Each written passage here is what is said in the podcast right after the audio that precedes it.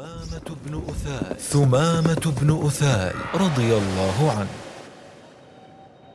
بعد أن طغى المشركون وبالغوا في أذى رسول الله صلى الله عليه وسلم دعا النبي صلى الله عليه وسلم عليهم.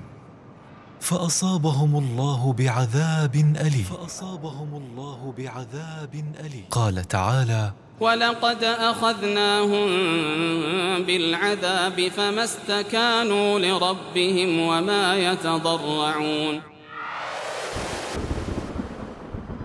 ولقد نزلت هذه الآيات ولقد نزلت هذه الآيات في ثمامة بن أثال رضي الله عنه.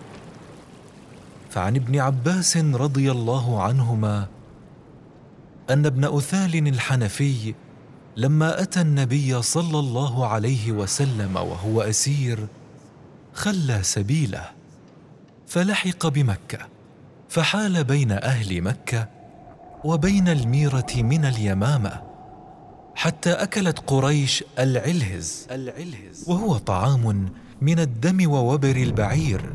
تأكله العرب في الجدب.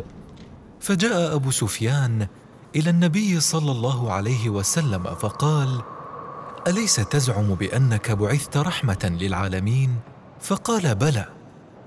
فقال قد قتلت الآباء بالسيف والأبناء بالجوع فأنزل الله تعالى ولقد أخذناهم بالعذاب فما استكانوا لربهم. وما يتضرعون. أعلام نزل فيهم قرآن.